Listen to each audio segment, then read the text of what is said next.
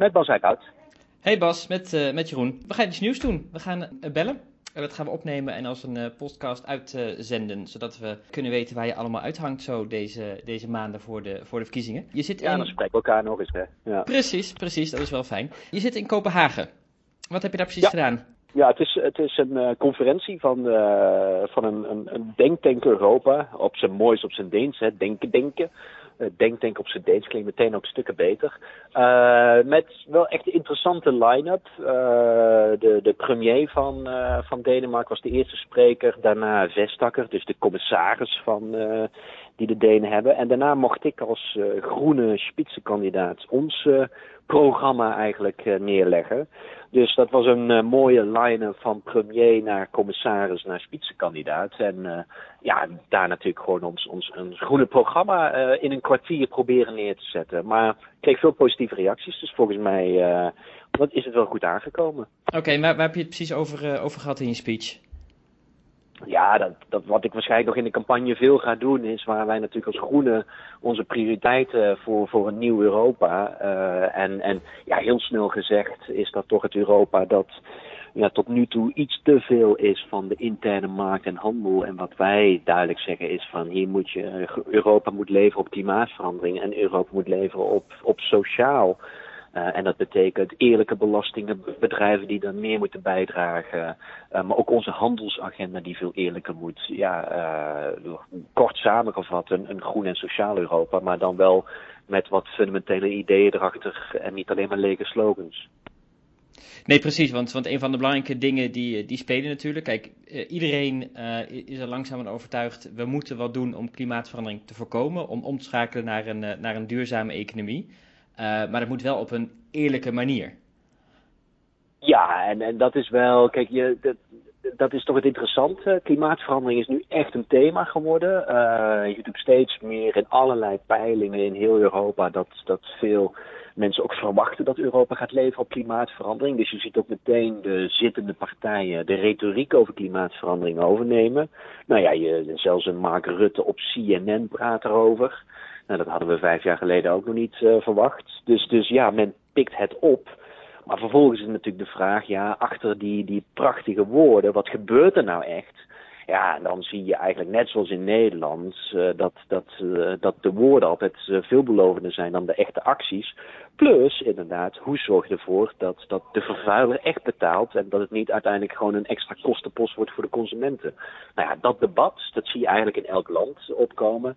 En ja, dat is voor groenen natuurlijk een prachtig moment om onze klimaatagenda neer te zetten, maar juist ook onze sociale agenda. Ja, want je, je zei in je, in je speech ook, we konden via de, de livestream hier, uh, hier meeluisteren, dat inderdaad... Uh, oh, je hebt uh, meegekeken. We ja, hebben meegekeken, ja. inderdaad. dat, dat sociaal Europa en een duurzaam Europa, Europa hand in hand met elkaar kunnen gaan. Het ene kan niet bestaan zonder het andere. Ja, ik wou zeggen, het hand in hand moeten gaan.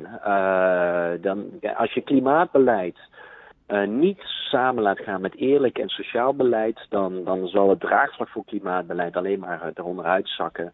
En dan hebben, we, dan hebben we straks nog steeds die fossiele economie en een oneerlijke samenleving. Ja, dat, dat is gewoon iets wat je gezamenlijk moet aanpakken, anders, anders komen, komen we niet verder. En dat is iets wat in het Nederlandse klimaatakkoord nog steeds begrepen moet worden. Uh, ja, want dat is niet, bedoel, we, hadden inderdaad van het, uh, van het weekend hadden we inderdaad uh, Klaas Dijkhoff die in de Telegraaf grote chocoladeletters had. Ja, ja, ja. Ja, interessante discussie. een beetje onduidelijk waar zijn kritiek nou precies zit. Maar als nou zijn, zijn conclusie is van jongens, de, de kosten van, van klimaatactie zijn nu oneerlijk verdeeld en in het klimaatakkoord is daar niet echt een oplossing voor. Dan zou ik zeggen, Dijkhoff is onze man. Ik vrees alleen dat het vooral een beetje meer voor de buren was om de telegraaflezer uh, blij te maken.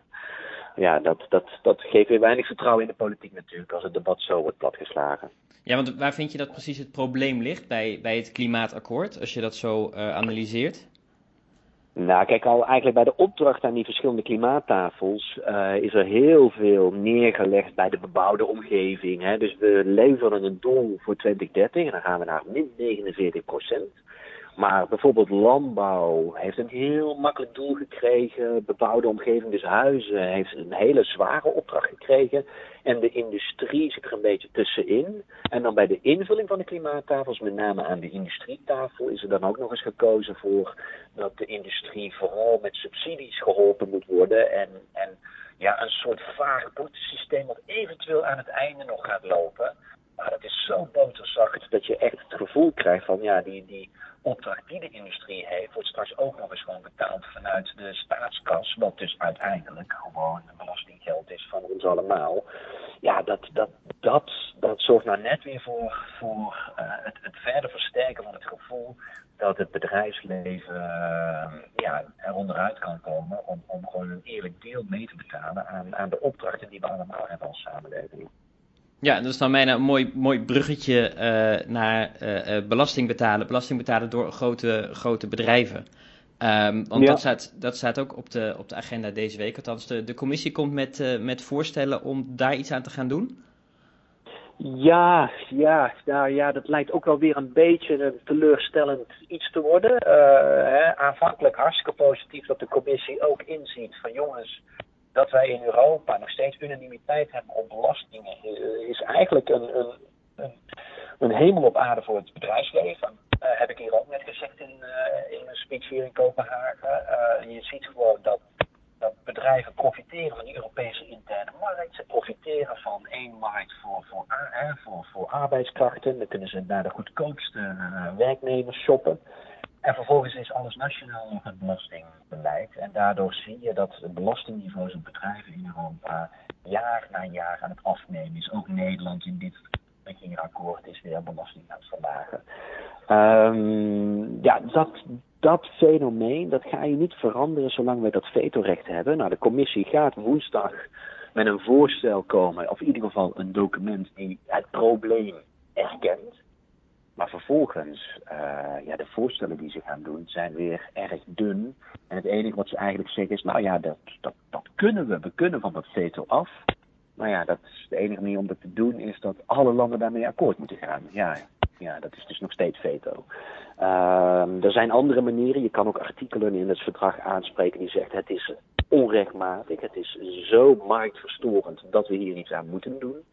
Uh, maar dat soort wat, wat politieker, gevoeligere opties laat de commissie weer liggen. En dat is een beetje klassiek. Ze erkennen het probleem, dus de groenen krijgen gelijk in probleemanalyse, maar qua oplossingen durven ze nog niet echt uh, met oplossingen te komen. Waarschijnlijk. Wie weet, misschien woensdag wordt het toch ineens uh, heel anders. Houden we altijd nog die mogelijkheid houden we open. Nou, we zullen zien uh, woensdag. Maar daarvoor hebben we eerst nog de dinsdag. En dat is, uh, dat is de grote, de grote uh, Brexit-dinsdag. Van de ja. stemming in het Lagerhuis dinsdagavond. Ja. Wat, ja, dat is natuurlijk deze week. we hebben veel stemming in het Europees Parlement. Maar laten we eerlijk wezen, de stemming in het Britse Lagerhuis zal deze week de meeste aandacht krijgen. En dat is de Brexit-stemming dinsdag. Ja, precies. Maar goed, het lijkt er niet goed uit te zien voor me. Ik bedoel, uh, als ik zo de, de poppetje stel, dan kom ik uh, nooit tot een, tot een meerderheid voor haar voorstel. Uh, wat gaat er nee. gebeuren als, dat, als haar plan wordt afgewezen? Ja, goede vraag. Weet, weet, niet, weet, weet niet iedereen natuurlijk. Er is eigenlijk nu door het Britse parlement besloten dat ze dan drie dagen krijgt om met een plan B te komen. Maar ja, zolang mee vasthoudt aan haar uitgangspunt, namelijk we willen, we willen eigenlijk uit Europa, omdat we zelf controle willen hebben over onze migratiewetten, ja, dan, dan, hè, dan, dan houden we het probleem dat, dat May nog steeds denkt dat je wel kan profiteren van alles wat de EU is, maar daar waar het lastig is om naar kiezers uit te leggen, daar willen we het niet. Hè, dat is de befaamde having the cake and eating it. Uh, ja, dat als zolang ze dat niet aanpast, zal in drie dagen tijd er niet een wezenlijk andere deal uit kunnen komen. Uh, ja, en, en verwacht ik dat, dat uiteindelijk uh, het parlement zo muurvast komt te zitten waarin eigenlijk geen enkele meerderheid te zien is, dat, dat, dat je toch steeds meer een waarschijnlijk scenario krijgt voor of een tweede referendum, kan zomaar een oplossing worden, of nieuwe verkiezingen, wat natuurlijk ook een oplossing kan zijn. En, en ja, dan maar weer kijken wat er in het nieuwe parlement. Maar dat betekent wel dat ze uitstel moeten krijgen van, van Brexit. Ja, maar dat gaan we nooit halen voor, voor maart dat er een, een, een uitslag is van of een referendum of van, van verkiezingen. Nee, nee, dus eigenlijk iedereen kijkt morgen van, nou, wellicht kan het toch verrassend leiden tot een meerderheid in het lagerhuis. Dan, uh, nou ja, dan, dan is er een deal en gaan we verder uh, zoals nee het wil. En zo niet, dan ja, wordt het wel steeds meer waarschijnlijk dat de Britten uitstel van Brexit moeten aanvragen. Nou, er zijn al berichten dat Europa dat wel wil tot eind juni. Uh, maar goed, ja, tot die tijd lijkt het toch nog steeds dat, dat May's deal geen meerderheid kan krijgen. Dus dan moet er echt iets anders komen. En ja, niet, eigenlijk moet je conclusie toch zijn, als je geen parlementaire meerderheid voor welke deal dan ook kan krijgen, ja, dan wordt het misschien tijd om het vraagstuk weer terug te leggen bij de Britse burgers wat ze willen. En dat kan met of een referendum, maar het kan natuurlijk ook met nieuwe verkiezingen. Ja, en dan weet ik niet of dat nog voor juni gaat lukken zelfs. Nee, dat wordt interessant, want we hebben natuurlijk ook de Europese verkiezingen en een nieuw Europees parlement, waar in principe de, de nieuwe Britse Europarlementariërs niet terugkomen. Nee, ja, dus dat wordt, dat wordt. Ja, dat zijn, dat zijn de institutionele problemen die wat mij betreft even wat minder belangrijk zijn. Kijk, uh, we gaan er nu vanuit dat de Britten niet meedoen met de verkiezingen. Dus het, het parlement zal uh, hervormd worden zonder de Britten. Uh, we gaan dus naar minder parlementariërs en een aantal landen krijgen wat extra zetels, zoals Nederland. Dus er is een wat herverdeling plaatsgevonden. Ja, dat blijft staan. Uh, als nou daarom dat men nu zegt als Europa, nou dan kunnen we misschien nog tot juni het uh, verlengen, dan, dan hoeven de Britten nog steeds geen verkiezingen te doen.